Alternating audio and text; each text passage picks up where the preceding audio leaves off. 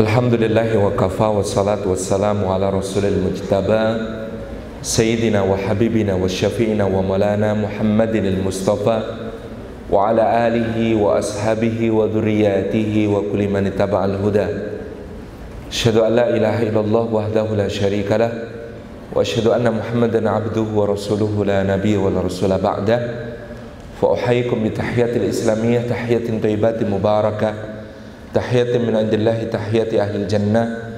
Assalamualaikum warahmatullahi wabarakatuh.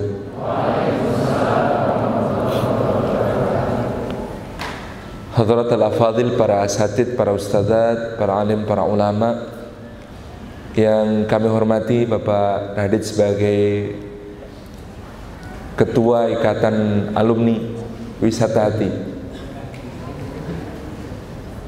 Saya mohon maaf kalau ada kesalahan penyebutan. Juga para bapak dan ibu pamong di Universitas Airlangga, juga hadirin hadirat yang dimuliakan oleh Allah Subhanahu wa taala kesemuanya. Puji syukur kepada Allah Subhanahu wa taala pada pagi yang indah ini Allah menghimpun kita di dalam rumahnya mudah-mudahan setiap langkah yang kita tempuh menuju ke tempat ini Tiap tapaknya menggugurkan dosa-dosa kita. Meninggikan derajat kita di sisi Allah subhanahu wa ta'ala. Dan menjadi pemudah jalan kita semua menuju ke surga. Dan duduk kita semua semoga termasuk dalam sabda Nabi sallallahu alaihi wasallam Majtama'a qaumun fi baitin min buyutillah yatluna kitabullah wa yatadarasunahu bainahum illa ghasyiyatuhumur rahmah wa haffatsumul malaikah wa nazalat alaihimus sakinah wa fi indah. Tidak berhimpun satu kaum di satu rumah di antara rumah-rumah Allah di dalamnya mereka membaca kitab Allah dan mengkajinya di antara mereka melainkan Allah mencurah-curahkan rahmatnya kasih sayangnya kepada mereka dan Allah memerintahkan para malaikat menaungkan sayap-sayapnya kepada mereka dan sakinah ketentraman turun ke dalam hati mereka dan disebut-sebut nama mereka oleh Allah Subhanahu wa taala dengan bangga pada makhluk-makhluk mulia yang ada di sisinya.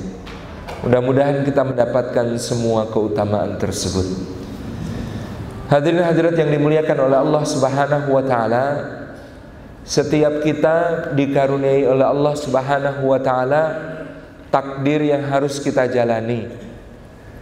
Yang menjadi menarik tapi sekaligus mengkhawatirkan bagi manusia adalah kita semua terhijab.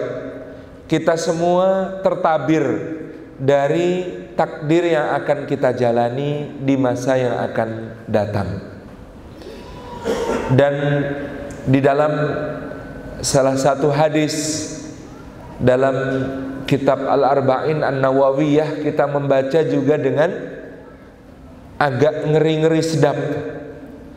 Tentang seperti apa masa depan kita kelak karena dikatakan di situ Jumi'a khalqu ahadikum fi batni ummihi arba'ina lailatan nutfatan thumma kana alaqatan mithla dhalik.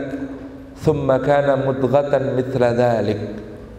Dikumpulkan penciptaan salah seorang di antara kalian itu di dalam perut ibunya selama 40 malam. Dalam bentuk nutfah.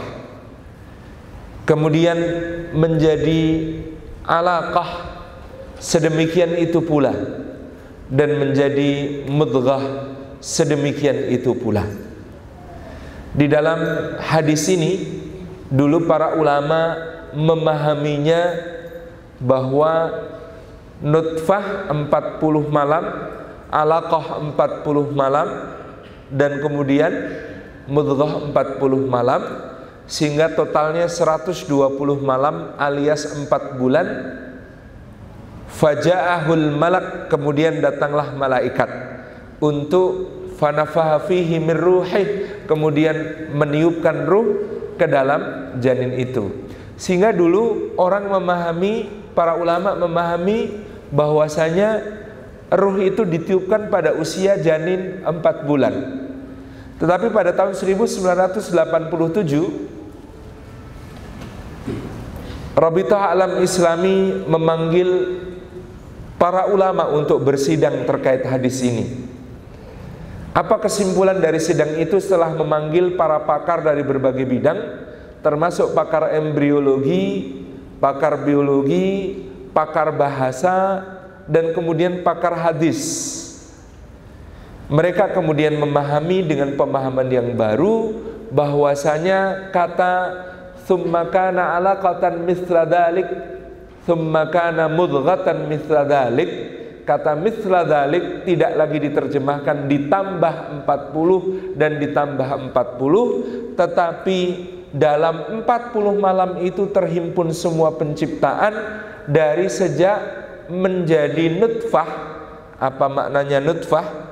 Nutfah masih berupa percikan yang bercampur kemudian menjadi alaqah bintik-bintik yang menempel kemudian menjadi mudghah gumpalan-gumpalan yang terus membelah itu semuanya lengkap terjadi dalam 40 malam.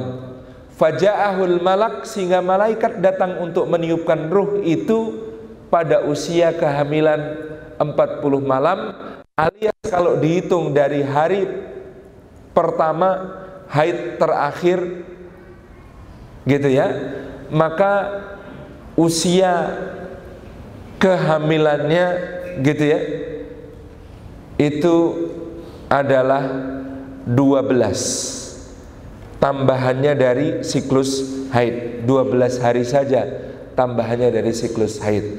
Maka ini mematahkan satu dalil bagi orang yang hendak melakukan abortus melakukan pengguguran kandungan dikiranya kalau belum empat bulan belum ada nyawanya. Enggak pada usia kehamilan 40 itu sudah ada ruhnya sudah ada kehidupan.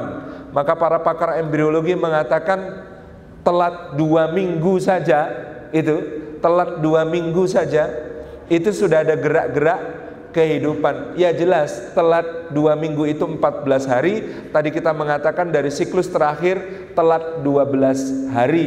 Itu sudah terdapat tanda-tanda kehidupan ini pertama yang kita fahami ternyata yang namanya janin itu kenapa disebut janin karena tidak kelihatan Kata janna alaihi lail itu dalam bahasa Arab disebut janna artinya ketutupan. Kalau ada yang di dalam perut ibu tidak kelihatan namanya janin. Kalau ada tameng yang dipakai untuk nutupi supaya tidak kena serangan musuh namanya junnah. Kalau ada kebun yang sangat lebat sampai matahari sinarnya susah masuk dan tidak mudah melihat di dalamnya namanya jannah kalau ada makhluk yang tidak kelihatan namanya jin. Jadi jin itu artinya tidak kelihatan. Kalau ada orang mengaku bisa melihat jin, maka itu bukan kelebihan tetapi kekurangan. Oh dia itu punya kelebihan bisa melihat jin. Itu bukan kelebihan, itu kekurangan. Karena kita ini kalau bisa melihat jin, horor. Oh di ruangan ini saja ada. Apalagi masuk toilet nggak jadi masuk.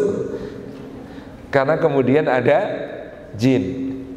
Gak disebut jin karena tidak kelihatan. Kalau sudah kelihatan sudah tidak jin. gitu. Nah jamaah yang dimuliakan oleh Allah subhanahu wa ta'ala Terkait hadis tadi kita memahami Faja'ahul malak malaikat datang kepada janin di usia 40 malam ini kemudian dia menuliskan setelah meniupkan ruhnya dia menuliskan untuk si janin. Apa yang ditulis? Min ajalihi tentang ajalnya. Ajalnya sudah ditulis. Kemudian sesudah itu dan juga amalnya gitu ya dan juga rizkinya dan juga Apakah dia termasuk wasaqiyun au sa'idun? Apakah dia termasuk orang yang celaka ataukah orang yang beruntung? Akhir hadis ini yang bikin ngeri-ngeri sedap. Di mana?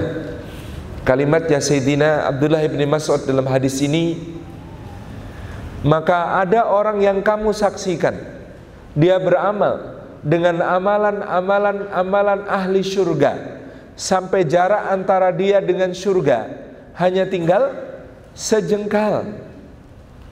Tetapi telah tertulis telah didahului oleh tulisan yang dibikin malaikat itu dan sebelum itu tulisan yang ada di Lauhil Mahfud di sisi Allah Subhanahu wa taala bahwa bahwasanya dia termasuk ahli neraka maka di ujung akhir hidupnya dia beramal dengan amalan ahli neraka maka dia pun menjadi ahli neraka.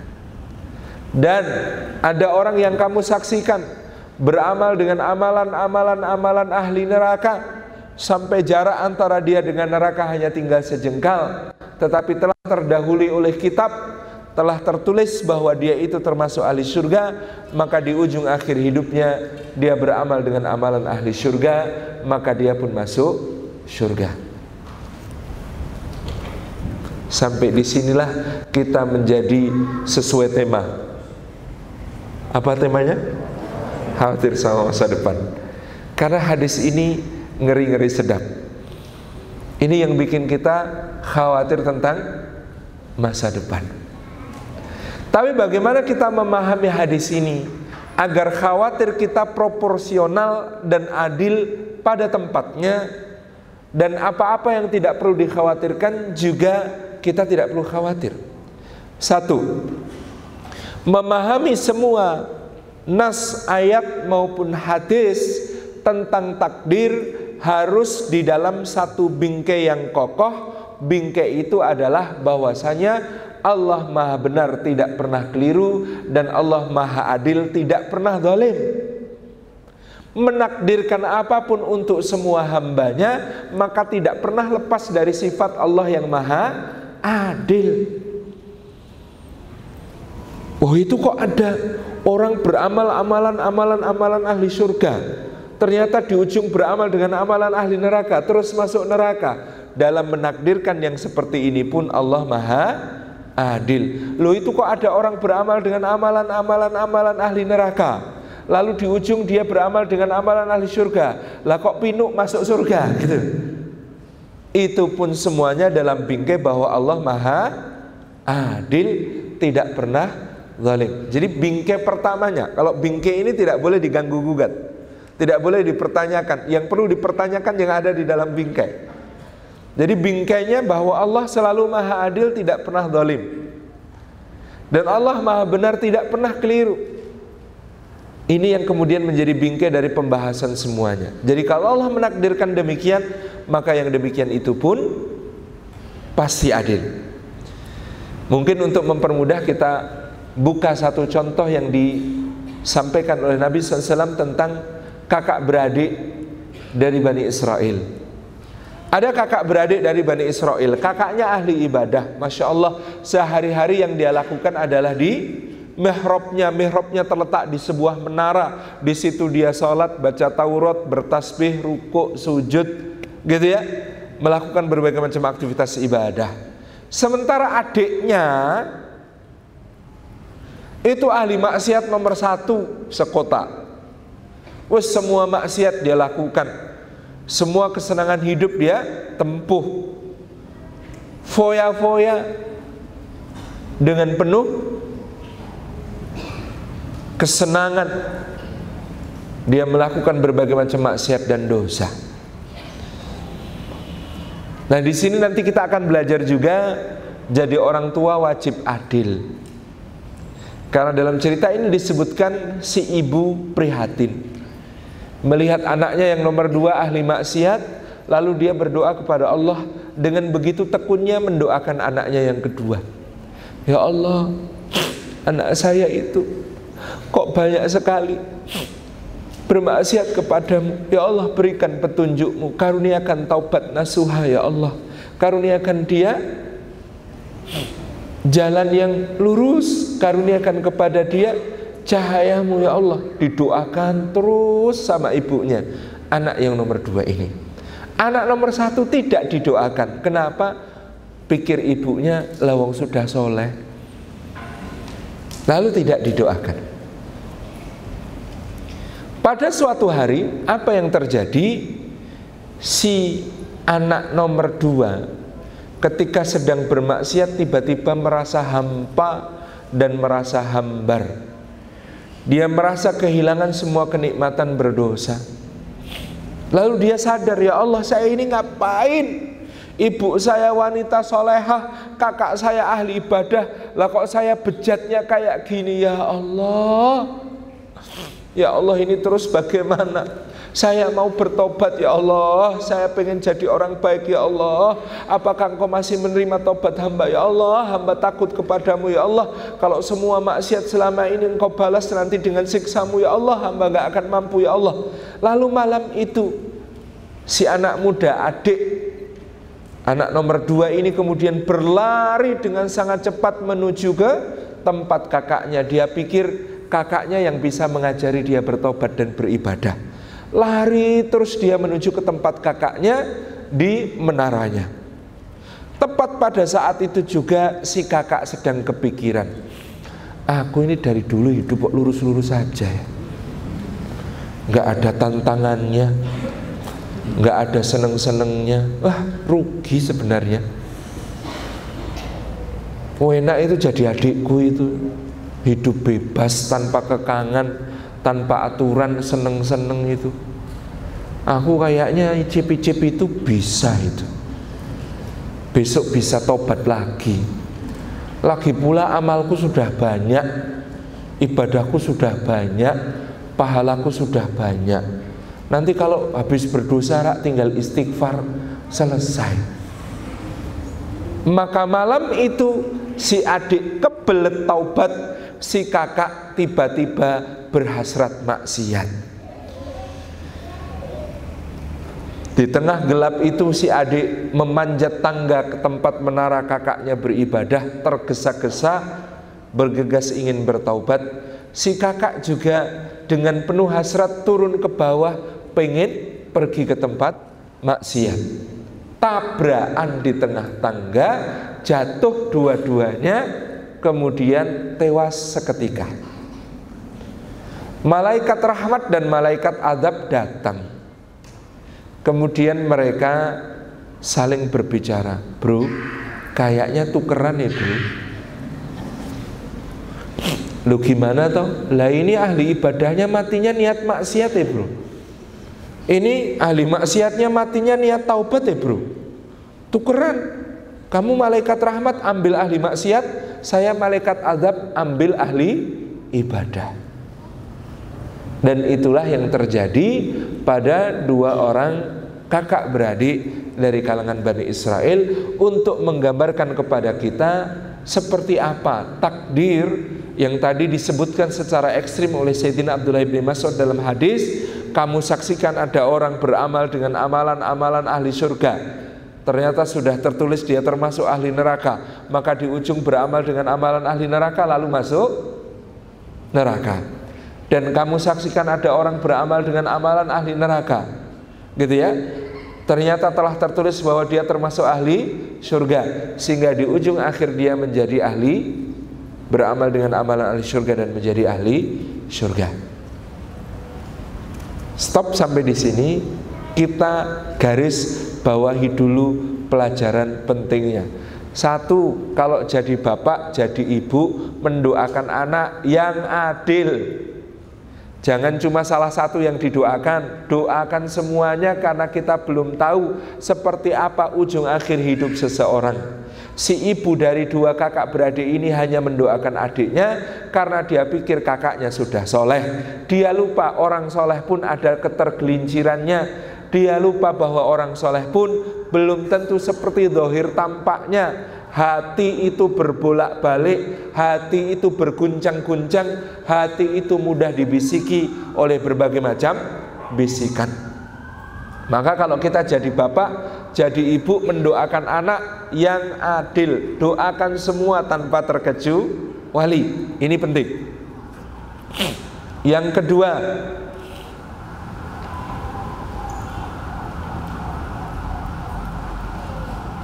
Pemahaman terpenting kita adalah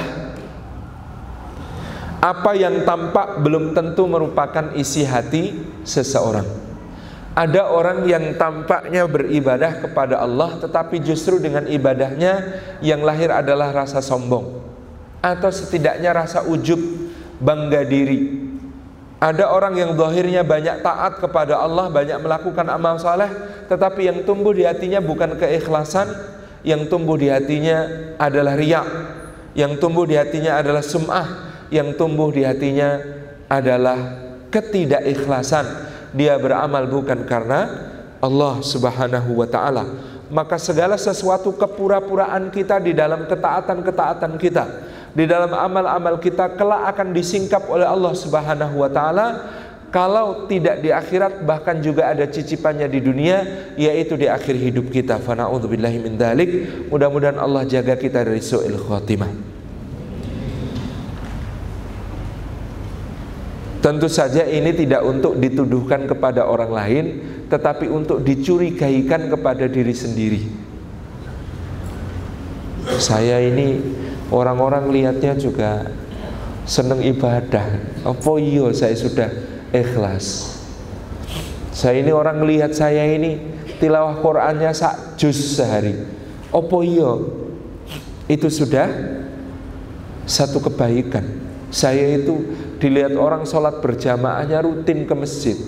Apa iyo karena Allah? Apa bukan karena calon mertua Yang jadi imam masjid Saya itu tampak sehari-hari menjaga diri Tidak menjatuhkan diri ke dalam perkara-perkara yang tercela Tapi opo iyo karena Allah Apa bukan karena gebetan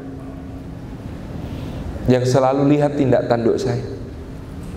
Ini yang perlu kemudian menjadi satu renungan-renungan bagi kita kepada diri kita sendiri. Bukan untuk menfonis, bukan untuk menjudge, bukan untuk memprasangkai orang lain. Dan sesungguhnya kita juga tidak tahu bahwa ada orang yang bermaksiat di siang hari tetapi di balik tembok di malam hari dia menangis karena takut kepada Allah. Dia kesulitan untuk menaklukkan hawa nafsunya, tetapi setiap kali dia melakukan dosa sesudah itu dia menyesal dan bertaubat kepada Allah. Hatinya adalah hati yang takut kepada Allah karena hati yang takut kepada Allah lebih berharga bahkan daripada berbagai macam amal saleh ketika tidak disertai dengan rasa takut kepada Allah. Maka ini juga tugas kita bukan untuk menjudge diri kita sendiri, apalagi menghibur-hibur. Hmm, saya ini banyak maksiat tapi tetap takut kok sama Allah. Bukan gitu. Tetapi untuk melihat orang lain dan untuk tidak meremehkan orang lain, kemudian kita mengatakan, masya Allah dia bertaubat, maka dia akan lebih baik daripada saya. Sekalinya dia bertaubat, dia akan lebih baik daripada saya. Itu orang berdosa karena kemaksiatan dia istighfar dosanya diampuni kalau saya sombong merasa lebih baik daripada dia dosa sombong itu dosa yang tidak terampuni dosa yang bisa membuat seseorang dijauhkan dari surganya Allah Subhanahu wa taala. Jadi hadis ini menjadi gambaran bagi kita tentang takdir yang kita harus berprasangka baik kepada diri kita sendiri dan berprasangka baik kepada orang lain. Pertama-tama soal masa depan ini tadi, kita ini tidak tahu takdir kita. Kita tidak tahu kita tidak tahu apakah kita termasuk ahli surga atau bukan.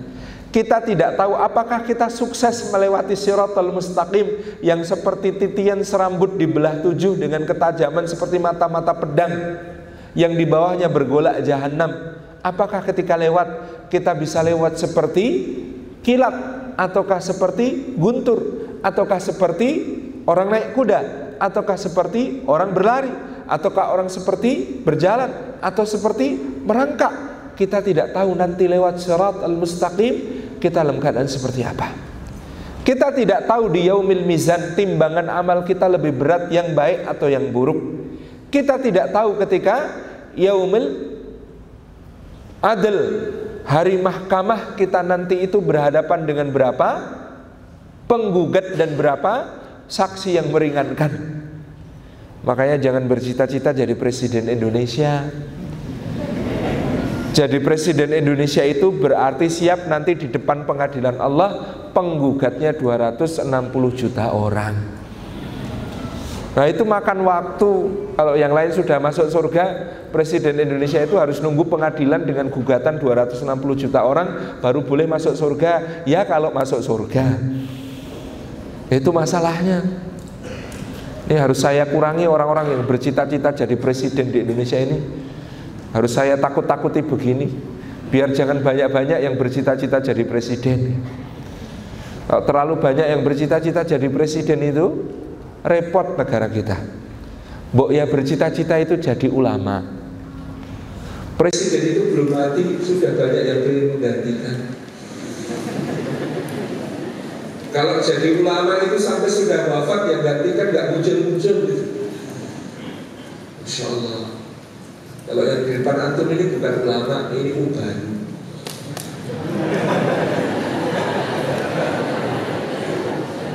ilmunya juga tidak ada gitu ya. Masya Allah. Hanya Allah menutupi aibnya saja sehingga penjaringan mau duduk di sini mendengarkan minimal itu kan karena hanya Allah menutupi aibnya. Kalau penjenengan tahu dosa-dosa saya sudah bubar dari tadi. Kalau penjenengan itu bisa melihat apa yang saya lakukan ketika tidak bersama penjenengan semuanya, oh nggak ada yang mau datang. Kalau dosa ada baunya, nih saya seluruh ruangan ini tidak ada yang tahan. Tetapi Allah itu maha pemurah menutupi aib-aib saya Sehingga penjenengan mau duduk di sini menyimak apa-apa yang saya sampaikan Padahal yang saya sampaikan juga penjenengan sudah ngerti semua gitu. Jadi ini Masya Allah Tabaraka Rahman Allah yang maha baik Itu menutupi aib kita. Makanya kata Imam Sufyan As-Sawri Aku ini menghadap Allah bawa seribu dosa kepada Allah. Rasa-rasanya lebih ringan daripada menghadap Allah Membawa satu dosa kepada sesama. Loh kok bisa ngaten ya imam kata para muridnya? Kok bisa begitu? Iya lah seribu dosa kepada Allah itu Allah itu kalau kita berdosa kepadanya Nutupin aib kita Nggak ngomong-ngomong sama orang Allah itu kalau kita berdosa kepadanya itu enggak langsung menghukum. Allah itu kalau kita berdosa kepadanya itu masih memberi kesempatan kita bertobat sampai waktunya panjang sampai akhir hayat kita. Allah itu kalau nanti mau menghukum itu ya juga hukumannya itu adil tidak akan melebihi batas dari dosa-dosa kita. Allah itu kalau menghukum itu mencari-cari alasan untuk tidak menghukum dicarikan pembela yang bisa membela hambanya supaya tidak terkena hukuman. Kalau mau menghukum, ditimbang dulu amalnya. Kalau amal baiknya tetap lebih banyak, nggak jadi dihukum. Itu Allah dan Dia Maha Pengampun, Maha Penerima Taubat, Maha menghapus semua kesalahan. Bukan cuma diampuni kesalahannya itu kalau Allah berkehendak Allah hapus kesalahannya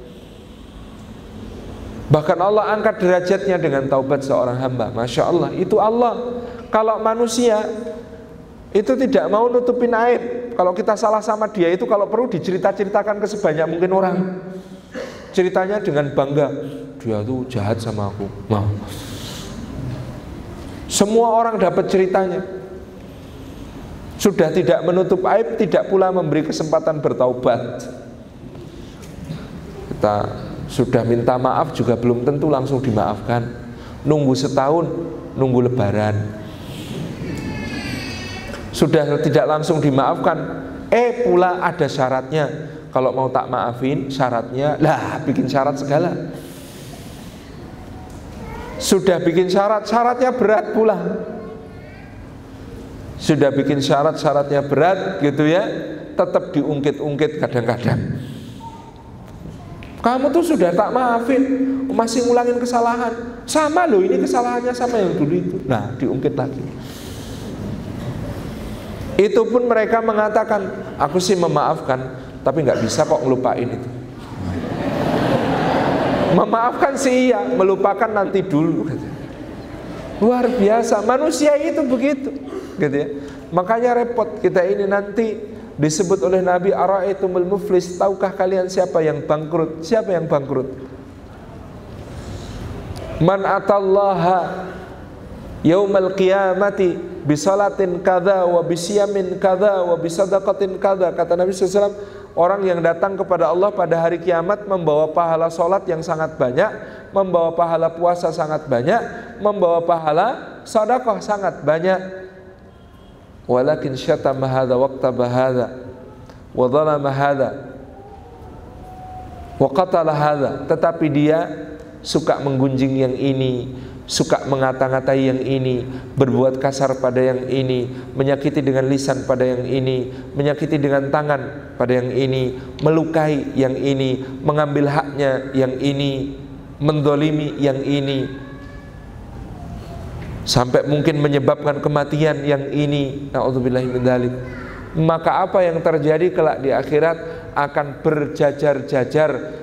Orang-orang kemudian antri untuk memberi gugatan gugatan dikabulkan Allah dibayar pakai pahala pahalanya habis kok masih ada yang menggugat maka dosanya penggugat ditambahkan kepada orang yang digugat fadzalikal muflis Kata Nabi SAW, maka demikian itulah orang yang bangkrut. Ternyata amal baiknya tidak cukup dipakai bayari kesalahan-kesalahannya kepada sesama manusia. Itu yang mengkhawatirkan kita tentang masa depan. Apakah di sebelumnya yaumil hisab kita selamat? Kita nggak tahu. Apakah amal kita sebanding dengan nikmat-nikmat Allah yang dianugerahkan pada kita? Nggak bisa nikmat Allah lebih besar dan ternyata banyak nikmat Allah yang justru kita gunakan untuk bermaksiat sehingga apa Ikhwan dan akhwat yang muliakan Allah kata Sayyidina Umar man yuhasab faqad yu'adzab sebenarnya orang itu kalau dihisap dia sudah diadab sama Allah Orang dihisap itu sudah disiksa sama Allah. Kenapa?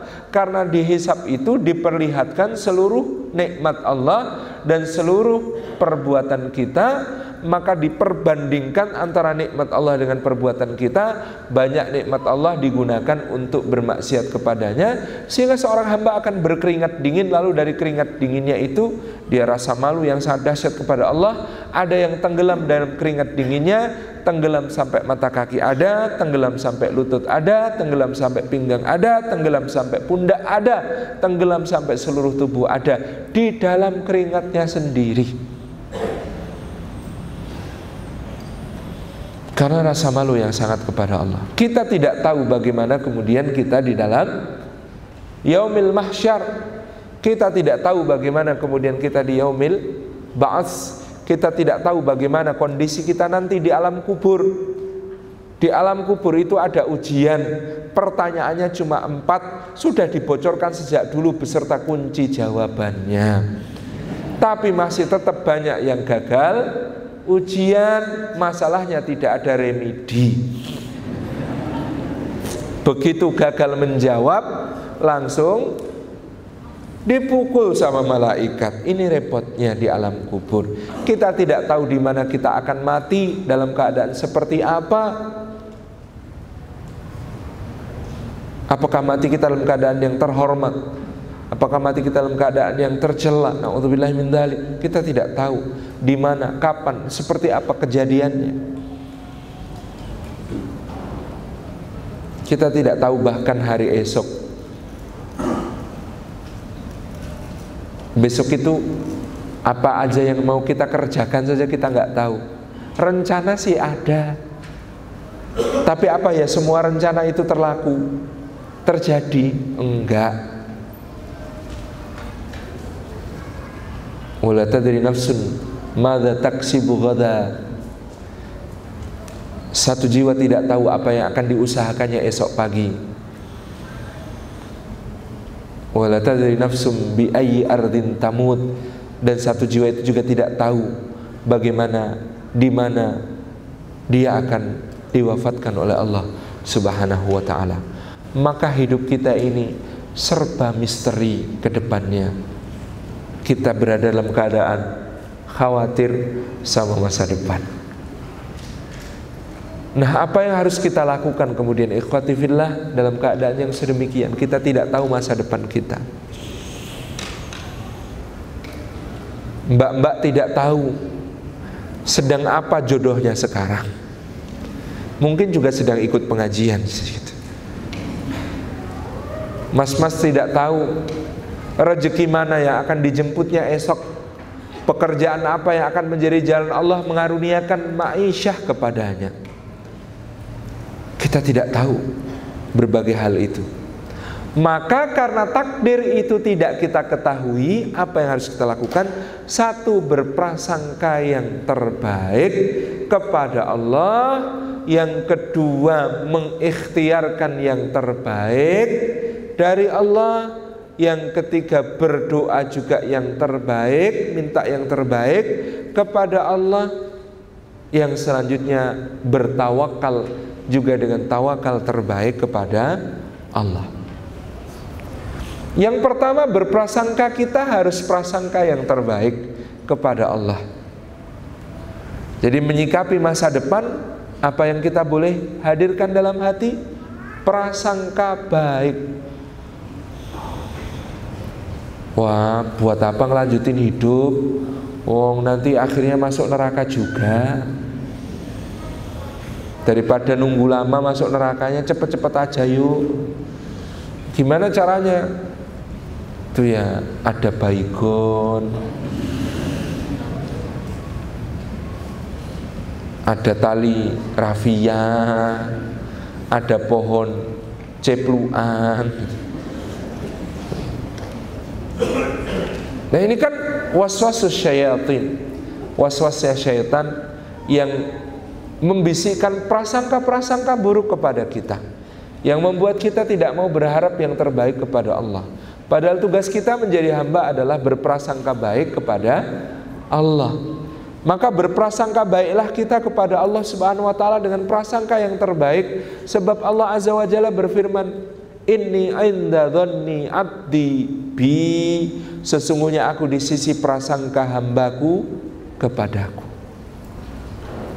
Bagaimana memaknai bahwasanya Allah Subhanahu wa taala ada di sisi prasangka hambanya? Kepadanya kata Imam Nawawi barang siapa merasa dirinya lemah dan yakin Allah Maha kuat maka Allah akan menguatkannya. Barang siapa merasa dirinya fakir dan yakin Allah Maha kaya Allah akan mencukupinya. Barang siapa merasa bahwa dirinya bodoh dan yakin Allah Maha pandai maka Allah akan mengajarinya ilmu Barang siapa merasa bahwa dirinya berdosa dan yakin Allah Maha Pengampun, maka Allah akan mengampuninya. Barang siapa merasa dirinya hina dan yakin Allah Maha Mulia, maka Allah akan memuliakannya. Ini prasangka yang harus selalu kita jaga kepada Allah Subhanahu wa taala. Orang itu kalau berprasangka baik, ridho kepada takdir Allah, hasil akhirnya baik. Ada salah satu riwayat yang menarik tentang Al-Mansur Saifuddin Qalawun, seorang sultan dari Daulah Mamluk Mamalik yang ada di Mesir. Di Qalawun ini ceritanya tentang bapaknya. Bapaknya Qalawun ini seorang budak di Baghdad pada suatu masa. Ketika menjadi budak di Baghdad, bapaknya Kolawun ini di hari Jumat, di mana hari Jumat itu libur bagi para budak, dia rajin bekerja untuk apa?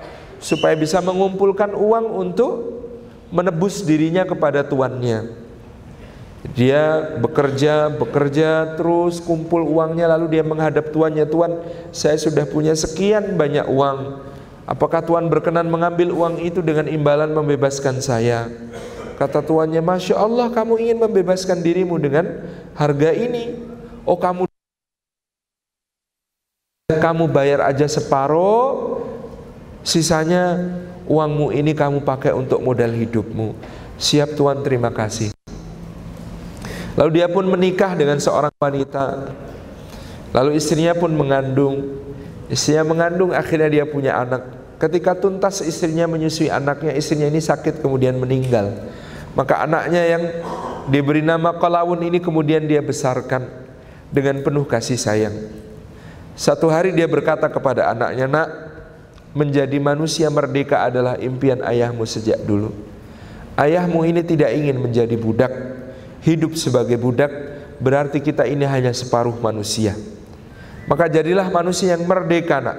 Dan manusia yang paling merdeka adalah manusia yang bisa memilih bahkan bagaimana caranya dia akan mati, mempersembahkan nyawanya untuk Allah Subhanahu wa taala. Nak. Maka nak, orang yang mati yang terbaik, yang paling merdeka, tidak perlu nanti melewati yaumil hisab, tidak perlu amalnya ditimbang-timbang oleh Allah, adalah orang-orang yang mati sebagai syahid, sebagai orang yang gugur berjuang di jalan Allah. Maka ayo nak kita ke pasar. Mau apa ayah? Kata anaknya. Nak kita akan beli kuda terbaik. Untuk apa nak? Supaya nanti kalau kita berjuang di jalan Allah dengan kuda terbaik itu kita persembahkan hidup kita kepada Allah. Maka kemudian dia beli kuda. Kita tahu harga kuda yang bagus itu mahal. Maka ketika pulang beli kuda, ayah dan anak ini dijibir oleh para tetangga. Eh, nggak tahu diri orang miskin kok beli kuda. Itu pasti ngabisin tabungan itu. Aduh, aduh. Mau dipelihara di mana itu kudanya? Hmm, sok-sokan, cibiran di mana-mana. Nah, Sabar nak, jangan ikuti apa kata orang selama yang engkau cari ridhonya Allah. Udah jangan perhatikan apa kata orang selama yang kamu cari adalah ridhonya Allah. Akhirnya kuda itu dipelihara, dikasih makan dengan baik gitu ya. Kadang-kadang dipijitin, dikasih minum, masya Allah. Sepekan kemudian kandang kudanya jebol, kudanya hilang, lepas maka para tetangga lebih hebat lagi dalam mencibir kuapok gitu. Rasain makanya jadi orang jangan sok-sokan. Orang miskin kok pelihara kuda gitu. Rasain sekarang kudanya ucul. Lepas nggak punya kuda uangnya habis bangkrut sisan kapok gitu. Maka si ayah berkata kepada si anak, "Nak, kita tidak pernah tahu, tapi takdir Allah pasti yang terbaik. Kita tidak tahu ini nikmat atau musibah, yang penting kita berprasangka baik kepada Allah." Bismillah, kita kumpul-kumpulkan uang lagi. Nanti siapa tahu kita bisa beli kuda lagi. Tidak lama kemudian dalam tiga hari pada suatu pagi banyak ringkik kuda di sekitar rumah mereka Ternyata kudanya yang kemarin lepas balik bawa teman-temannya dari padang rumput. Jadi mungkin merasa di situ dia enak hidupnya dia kuda itu ngajak teman-temannya dari padang rumput sehingga tiba-tiba ayah dan anak ini di hari berikutnya jadi juragan kuda. Kudanya ada beberapa belas ekor langsung karena kudanya yang lepas ternyata ngajak teman-temannya dari padang rumput datang ke situ. Dirawat dengan baik kuda-kuda itu. Tetangga-tetangganya enyor lagi tahu enyor oh ternyata kudanya balik ya wah untung besar sampean pak seneng ya sekarang kudanya banyak loh kemarin bilang musibah maka si bapak dan si anak mengatakan kami tidak tahu ini nikmat atau musibah yang penting kami berprasangka baik kepada Allah. Hari berikutnya anaknya latihan naik kuda. Latihan naik kuda seneng banget. Tidak terasa kudanya kaget pada suatu tempat ada sesuatu yang lewat mungkin ya kudanya kaget kemudian anak ini terlempar jatuh kakinya patah. Diangkutlah dibawa ke rumah dirawat tetangga-tetangga berkata lagi ya mending gak usah punya kuda daripada punya kuda kok anaknya kakinya patah. Sial betul. Makanya jangan suka kemaki naik kuda sembarangan oh kakinya patah rasain. Kemudian bapaknya bilang sama anaknya nak sabar ya nak. Kita tidak tahu ini nikmat atau musibah. Yang penting kita ini berprasangka baik kepada Allah. Hari berikutnya ada rombongan tentara datang ke kampung itu. Apa yang mereka lakukan? Rekrutmen massal kepada setiap pemuda wajib untuk ikut wajib militer ke medan tempur di garis depan karena raja hendak berperang dengan raja yang lain. Ternyata yang berperang antar sultan sesama muslim. Maka si bapak membisi anaknya Nak. Berdoa nak. Mudah-mudahan kita tidak usah terlibat. Ini bukan yang kita cita-citakan. Ini cuma perang di antara sesama muslim Yang kemudian kita melawan saudara kita sendiri. Nauzubillah min dalik. Mudah-mudahan Allah selamatkan kita dari fitnah seperti ini. Maka kemudian petugas inspeksi ke rumahnya dilihat. Ini kenapa ini? Kakinya patah Pak prajurit. Lu kenapa? Kemarin latihan kuda terus jatuh kakinya patah. Wah, kalau begitu saya coret ini diskualifikasi. Kamu nggak boleh ikut jadi rekrutan tentara kami. Oh iya Pak, enggak apa-apa Mudah-mudahan nanti segera sembuh ya Pak. Oh iya iya segera sembuh ya. Oke, berarti saya coret ya rumah ini nggak ada yang saya bawa. Bapaknya juga ngerawat anaknya, nggak bisa berangkat. Oke. Sementara anak-anak tetangga yang pemuda-pemuda yang ganteng-ganteng, yang gagah-gagah, semuanya diangkut oleh pasukan itu untuk ditempatkan di garis depan. Maka tetangga-tetangga datang ke rumah itu, kamu beruntung ya nak, untung kakimu patah. Jadi kamu nggak kena wajib militer. Lah kami anak-anak kami pada sehat-sehat tapi diambili sama tentara. Celaka kami ini. Kata si bapak dan si anak, tenang Pak. Kita tidak tahu ini nikmat atau musibah. Yang penting kita sangka baik kepada Allah.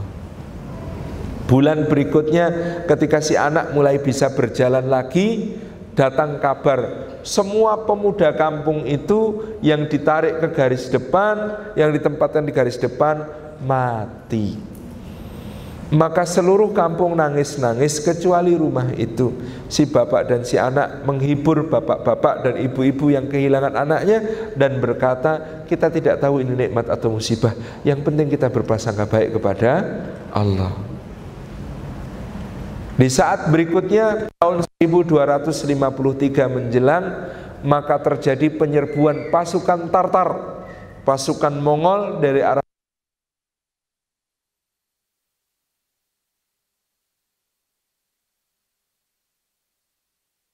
ladang pembantaian sungai Tigris berubah warnanya menjadi hitam dan merah hitam karena buku-buku yang dilemparkan dari perpustakaan Baghdad ke dalam sungai, tintanya lepas dari kertas dan menjadi merah karena darah orang-orang yang dibantai oleh pasukan Mongol ketika itu. Maka saat itulah si bapak dan si anak berkomitmen, bismillah nak, sekarang saatnya kita berjuang membela bangsa, membela negara, membela agama kita akan berperang berjihad melawan orang-orang Tartar, orang-orang Mongol. Maka mereka bergabung di bawah kesatuan Saifuddin Mudhafar Kutus yang berperang melawan pasukan Tartar di Ain Jalut dan mengalami kemenangan. Tapi qadarullah si bapak gugur, si anak ditangkap musuh jadi dijual sebagai budak. Dijual, dijual, dijual sebagai budak. Akhirnya si Kolawun ini menjadi budaknya Sultan Baibars yang ada di negeri Mesir. Lalu karena sangat pintar, cerdas, berbakat, berjiwa pemimpin dia dibebaskan dari perbudakan dan kemudian menggantikan Baibars menjadi Sultan Mamluk dengan gelar Al-Mansur Saifuddin Kolawun. Cerita anak muda ini adalah cerita prasangka baik kepada Allah. Selama berprasangka baik kepada Allah hasilnya biasanya baik. Jadi apa pun yang sedang kita terima dari Allah, prasangka baikilah Allah. Astagfirullahaladzim, ketinggalan pesawat. Alhamdulillah ketinggalan pesawat. Barangkali kalau kita mendahului pesawat lebih berbahaya. Lagi ketinggalan gitu. Itu berbahaya gitu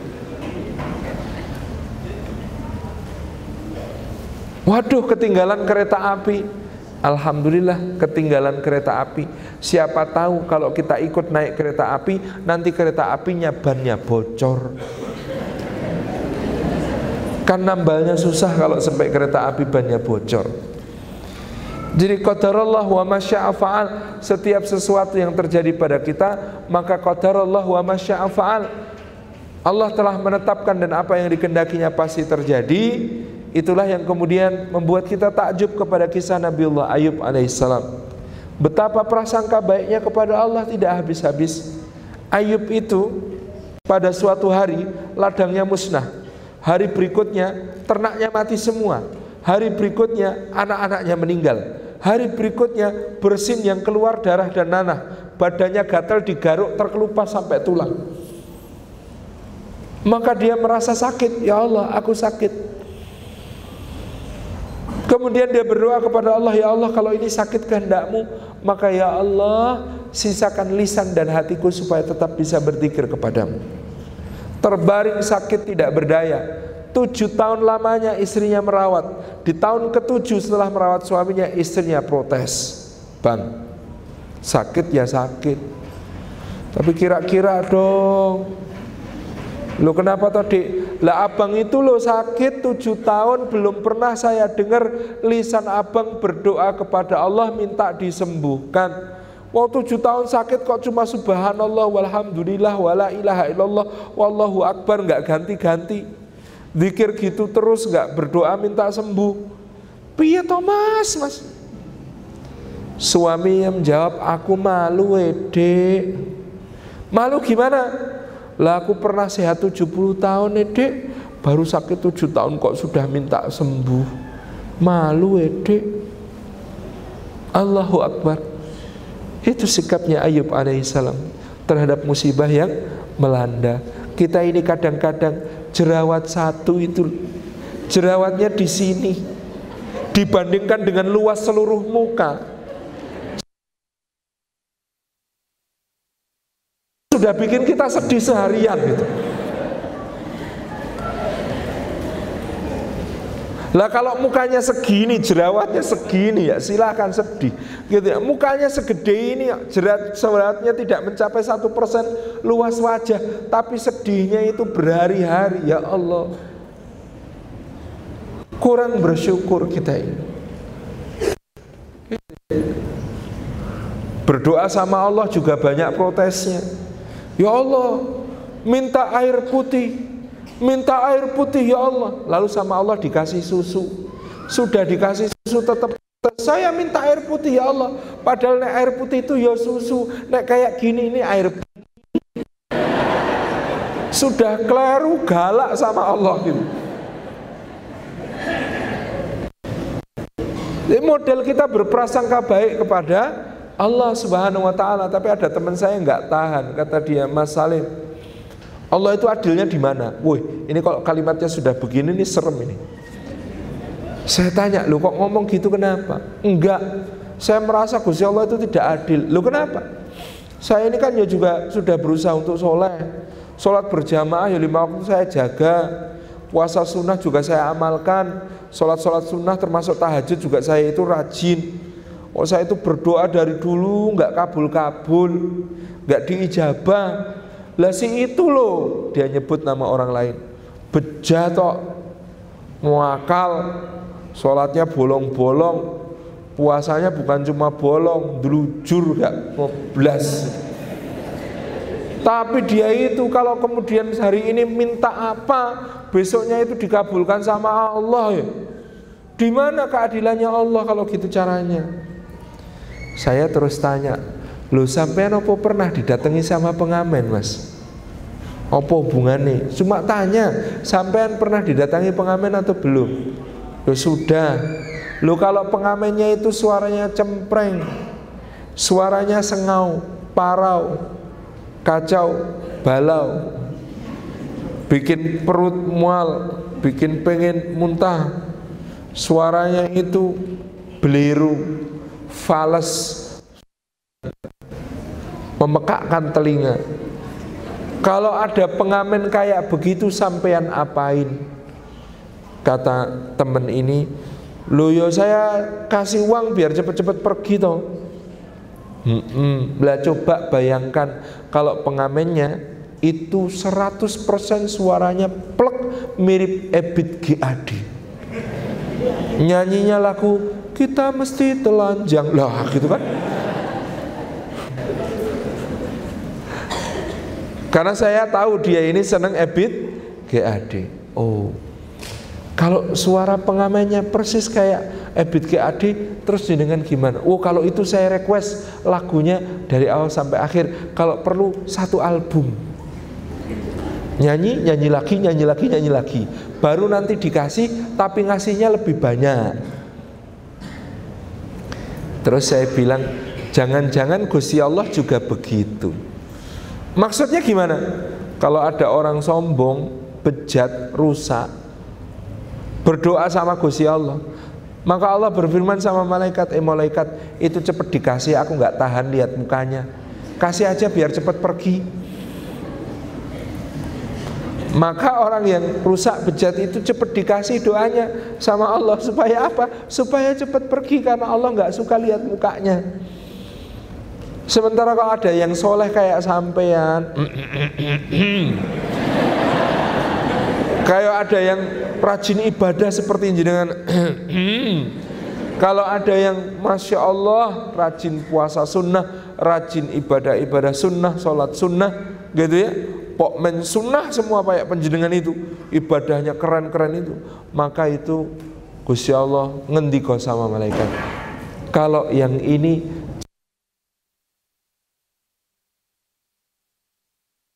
aku seneng dengar dia beribadah. Aku seneng lihat dia itu taat kepadaku. Jangan buru-buru dikasih. Ini tipenya. Kalau dikasih dia terus pergi ini tipenya kalau dikasih nanti ibadahnya nggak serajin waktu belum dikasih. Biarin dulu aja, jangan dikasih, biar rajin ibadah, gitu. Nah, teman saya ini mosok Pak Eko, gitu.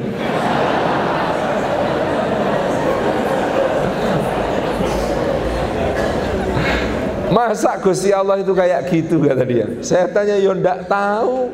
Mau saya cuma mungkin oh, gitu.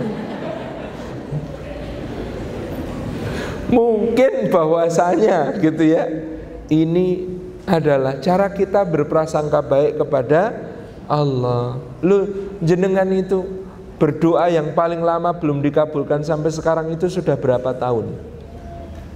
Hmm? Berdoa yang belum dikabulkan sampai sekarang Sudah berapa tahun?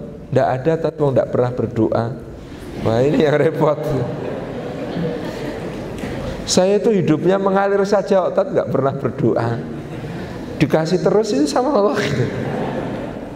Wah ini repot kalau tidak pernah berdoa Karena Allah itu suka kalau kita berdoa Karena Allah itu suka kalau kita meminta Kata Sayyidina Umar Khattab Kalau aku sudah berdoa aku tidak peduli tentang doa Aku mau dikasih Di mana, seperti apa bentuknya, kapan Terserah Gusti Allah Karena kalau Allah sudah mengilhamkan aku untuk berdoa Berarti Allah itu sudah memberi karunia jadi kalau Allah menggerakkan hati kita dan lisan kita untuk berdoa, berarti sebenarnya karunia itu sudah mau dikasih.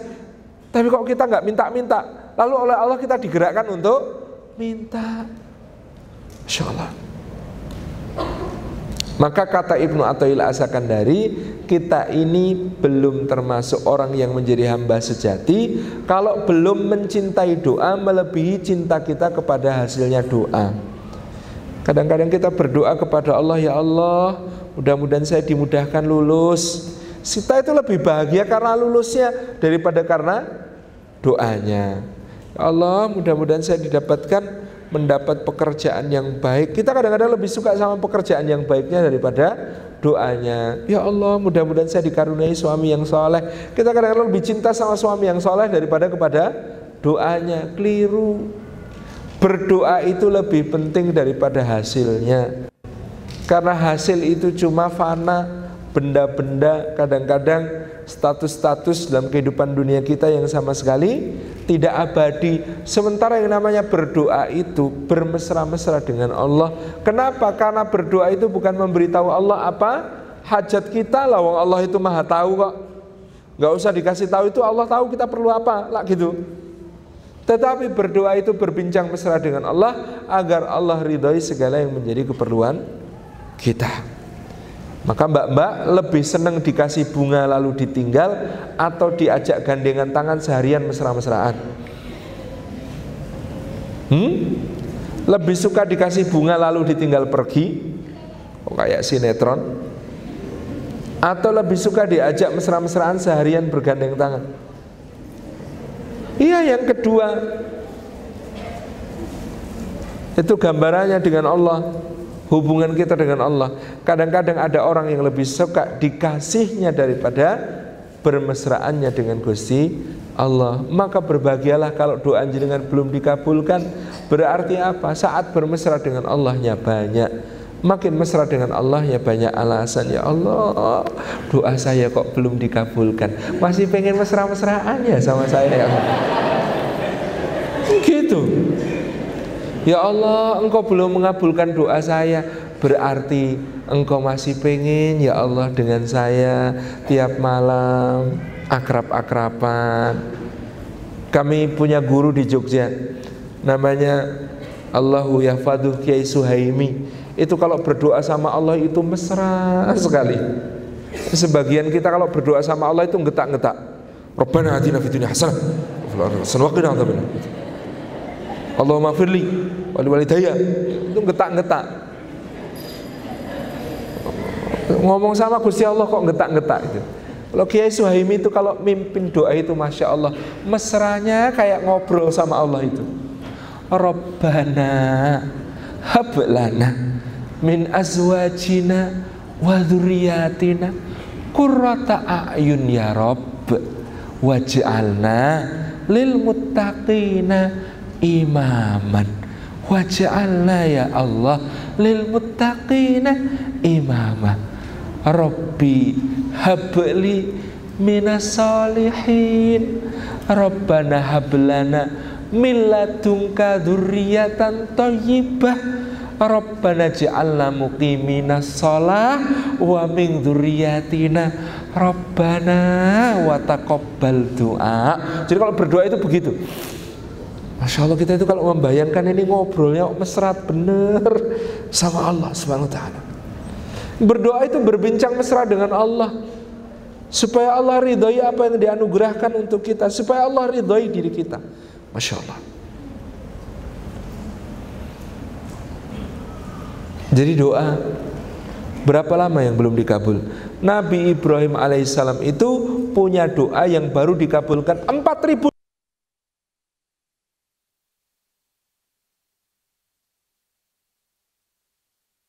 tahun kemudian. Yang mana? Rabbana wab'ats fihim rasulam minhum yaslu alaihim ayatik wa yu'allimuhumul kitaba wal hikmah wa yuzakkihim dan utuslah di kalangan penduduk Mekah ini seorang rasul dari kalangan mereka sendiri yang akan membacakan ayat-ayatmu, mengajarkan kitab dan hikmah dan mensucikan mereka ya Allah. Itu doanya Nabi Ibrahim. Bayangan kita, ya nanti anaknya Ismail, cucunya Ismail diutus Allah sebagai jawaban doanya Nabi Ibrahim. Ternyata doa itu baru dikabulkan 4200 tahun kemudian. Dari mana hitungannya? Nabi Muhammad Nabi Muhammad SAW sampai Nabi Isa itu jaraknya 600 tahun. Kata Sayyidina Abdullah ibnu Abbas jaraknya 600 tahun. Nabi Isa dengan Nabi Musa jaraknya 1200 tahun.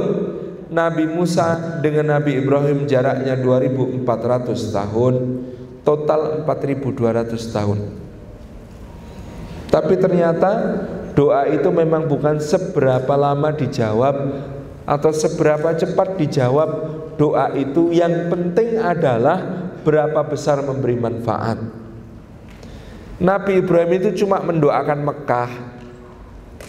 Surabaya gak no. apalagi di Surabaya banyak crazy rich Surabayan gitu ya yang penampilannya kayak Fan Bingbing. Artis nomor satu di Tiongkok namanya Fan Bingbing yang lagi hilang tidak diketahui kabarnya.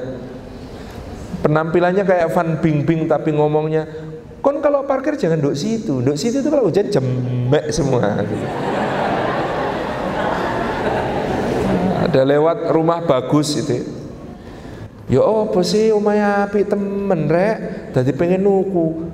Sebelahnya ngingetin, lo itu sudah cici beli bulan lalu, ya apa sih lupa? Oh iya udah tak beli ya, gitu. Crazy Rich Surabaya gitu. Model-model begitu. Bapak Ibu yang dirahmati Allah Subhanahu wa taala, Surabaya nggak didoakan sama Ibrahim tetapi Surabaya masuk ke dalam alam semesta di mana Rasulullah SAW diutus wa ma arsalnaka illa rahmatan lil alamin. Masya Allah. Ini yang menjadi kunci kita pertama prasangka baik. Hatta kemudian ketika doa belum dikabul, hatta ketika kemudian kita merasa hidup kok berat. Jenengan kenapa kok hidupnya berat? Karena mendaki Mendaki itu mau ke mana? Orang mendaki itu mau ke mana? Naik ke atas Iya Loh hidup saya kok rasanya berat susah Loh soalnya sampean mau mendaki Mendaki ke mana? Kedaki gitu mendaki yang ke naik ke atas ke sisi Allah ke keridhaan Allah ke surga Allah. Nak jenenge swarga iku munggah apa mudu?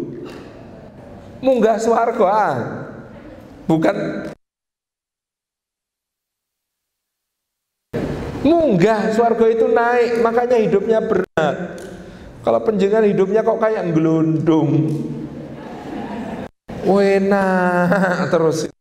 Patut diwaspadai Jangan sampai kita itu gelindingnya gelinding ke bawah. Kalau gelinding ke bawah itu nanti nyemplung. Gak ada istilah tetembungan nyemplung suargo itu gak enak. Adanya nyemplung neraka. Ini tak kira senek ternyata pertanyaan. Cek, oke, okay. ini baterainya agak berkurang. Kok suara saya jadi berbeda ya? Agak lebih gimana gitu ya? Masya Allah ternyata pencitraan melalui suara itu bisa juga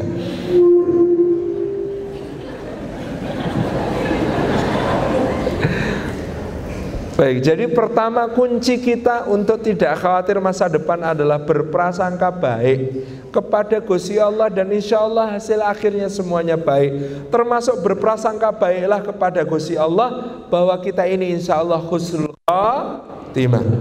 Termasuk berprasangka baiklah kepada Allah bahwa kita ini akan mendapatkan kebaikan di dunia dan di akhirat. Termasuk berprasangka baiklah kepada Allah bahwa kalau penjenengan soleha insya Allah dapat jodoh yang soleh. Tapi penjenengan seneng nggak sih dapat suami soleh nanti? Seneng nggak? Penting nggak punya suami soleh? Mosok, mosok Pak Eko. Gitu. Seneng nggak punya suami soleh? Penting nggak suami soleh itu? Tunda jawaban Anda. Di dalam Al-Quranul Karim ada dua wanita Yang satu namanya Maryam Yang satu namanya Asia Dua-duanya wanita paling mulia sepanjang zaman Pertanyaan saya tentang Maryam Siapa suaminya?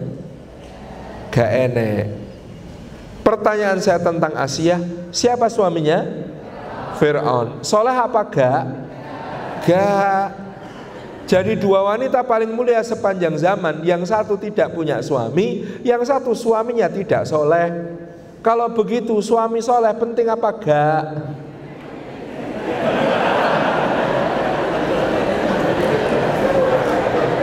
Loh ini ada dua orang yang satu tidak punya suami Yang satu suaminya tidak soleh.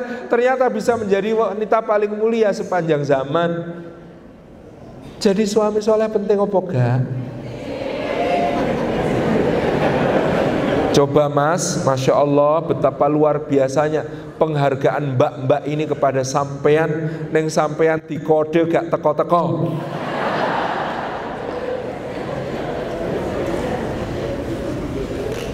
Wahai buka filah kalau sesama lelaki mengungkapkan cinta, maka jawabannya ada sunnahnya ahabbakallahu ladzi ahbabtani fi. Semoga Allah mencintaimu karena kau telah mencintaiku karena dia. Kan begitu. Meskipun ini kalau diamalkan bikin aneh ya. Dulu kan zaman Nabi itu ada seseorang matur kepada Rasulullah, "Ya Rasulullah, saya mencintai sahabatmu yang itu." Yang ditunjuk adalah Sayyidina Mu'ad bin Jabal. Akhlaknya mulia, penampilannya indah, gitu ya, dan dia itu seorang yang berilmu. Maka orang ini baru datang ke Madinah langsung jatuh cinta kepada Mu'ad bin Jabal. Dia bilang sama Rasulullah, "Rasulullah, saya cinta sama sahabatmu yang itu."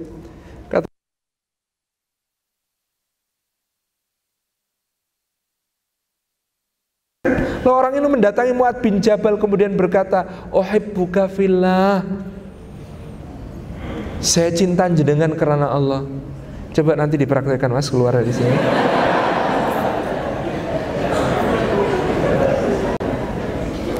Nah itu jawabannya begitu. Kalau ada ikhwan ngomong sama ahwat, uhibbuki fillah, aku mencintaimu karena Allah, jawabannya bapakku nanti malam ba'da isya sampai jam 9 longgar. Silahkan datang. Nah, itu jawaban yang benar begitu.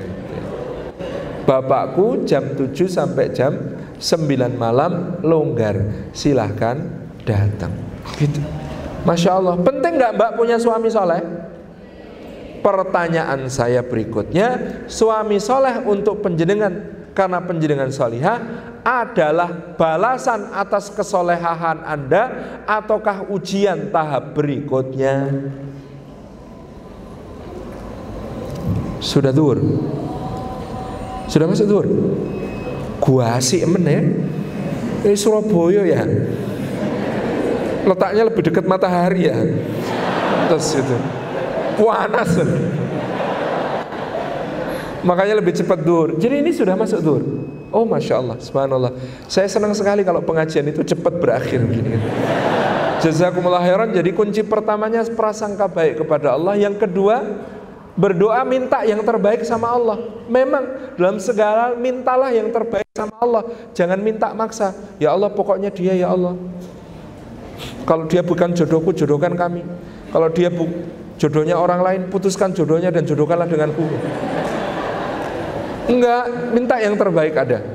Itu jodoh rezeki minta yang terbaik. Yang ketiga, tadi setelah minta yang terbaik, akhirat juga minta yang terbaik, surga minta yang terbaik, firdausil a'la, ikhtiarkan yang terbaik, sempurnakan ikhtiar kita, sempurnakan upaya-upaya kita di dalam menjemput karunia-karunia Allah Subhanahu wa taala.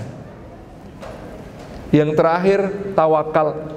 Wa ufawidu amri ilallah, serahkan urusan ini kepada Allah gitu ya do the best let Allah give us the rest. Ya Allah Allah yang memberikan yang terbaik kepada orang-orang yang mengupayakan yang terbaik. Sesudah itu Mudah-mudahan kita tidak perlu khawatir masa depan kecuali masa depan akhirat. Karena khawatir tentang dunia menambah galau dalam dada, tetapi khawatir tentang akhirat akan menjadi cahaya kita semua. Kita khawatir nggak ketemu Rasulullah, khawatir nggak bisa lihat Allah, khawatir nggak bisa masuk surga di Firdausil A'la, khawatir nggak dapat syafaat, khawatir nggak lolos di yaumil hisab, yaumil mizan, yaumil adl kita khawatir semua itu insya Allah membuat kita makin semangat beramal soleh. Tapi khawatir soal dunia hanya menambah ruwet hidup karena dunia ini sudah dijamin. Wa min dabbatin fil ardi rizquha. Tidak ada yang melata di atas bumi melainkan Allah Subhanahu wa taala menjamin untuk kita semua rezeki dan karunia-Nya. Suami yang soleh sudah dijamin, jodoh yang baik di tangan Allah. Tapi kalau nggak diambil-ambil di tangan Allah terus maka segeralah diambil. Wassalamualaikum warahmatullahi wabarakatuh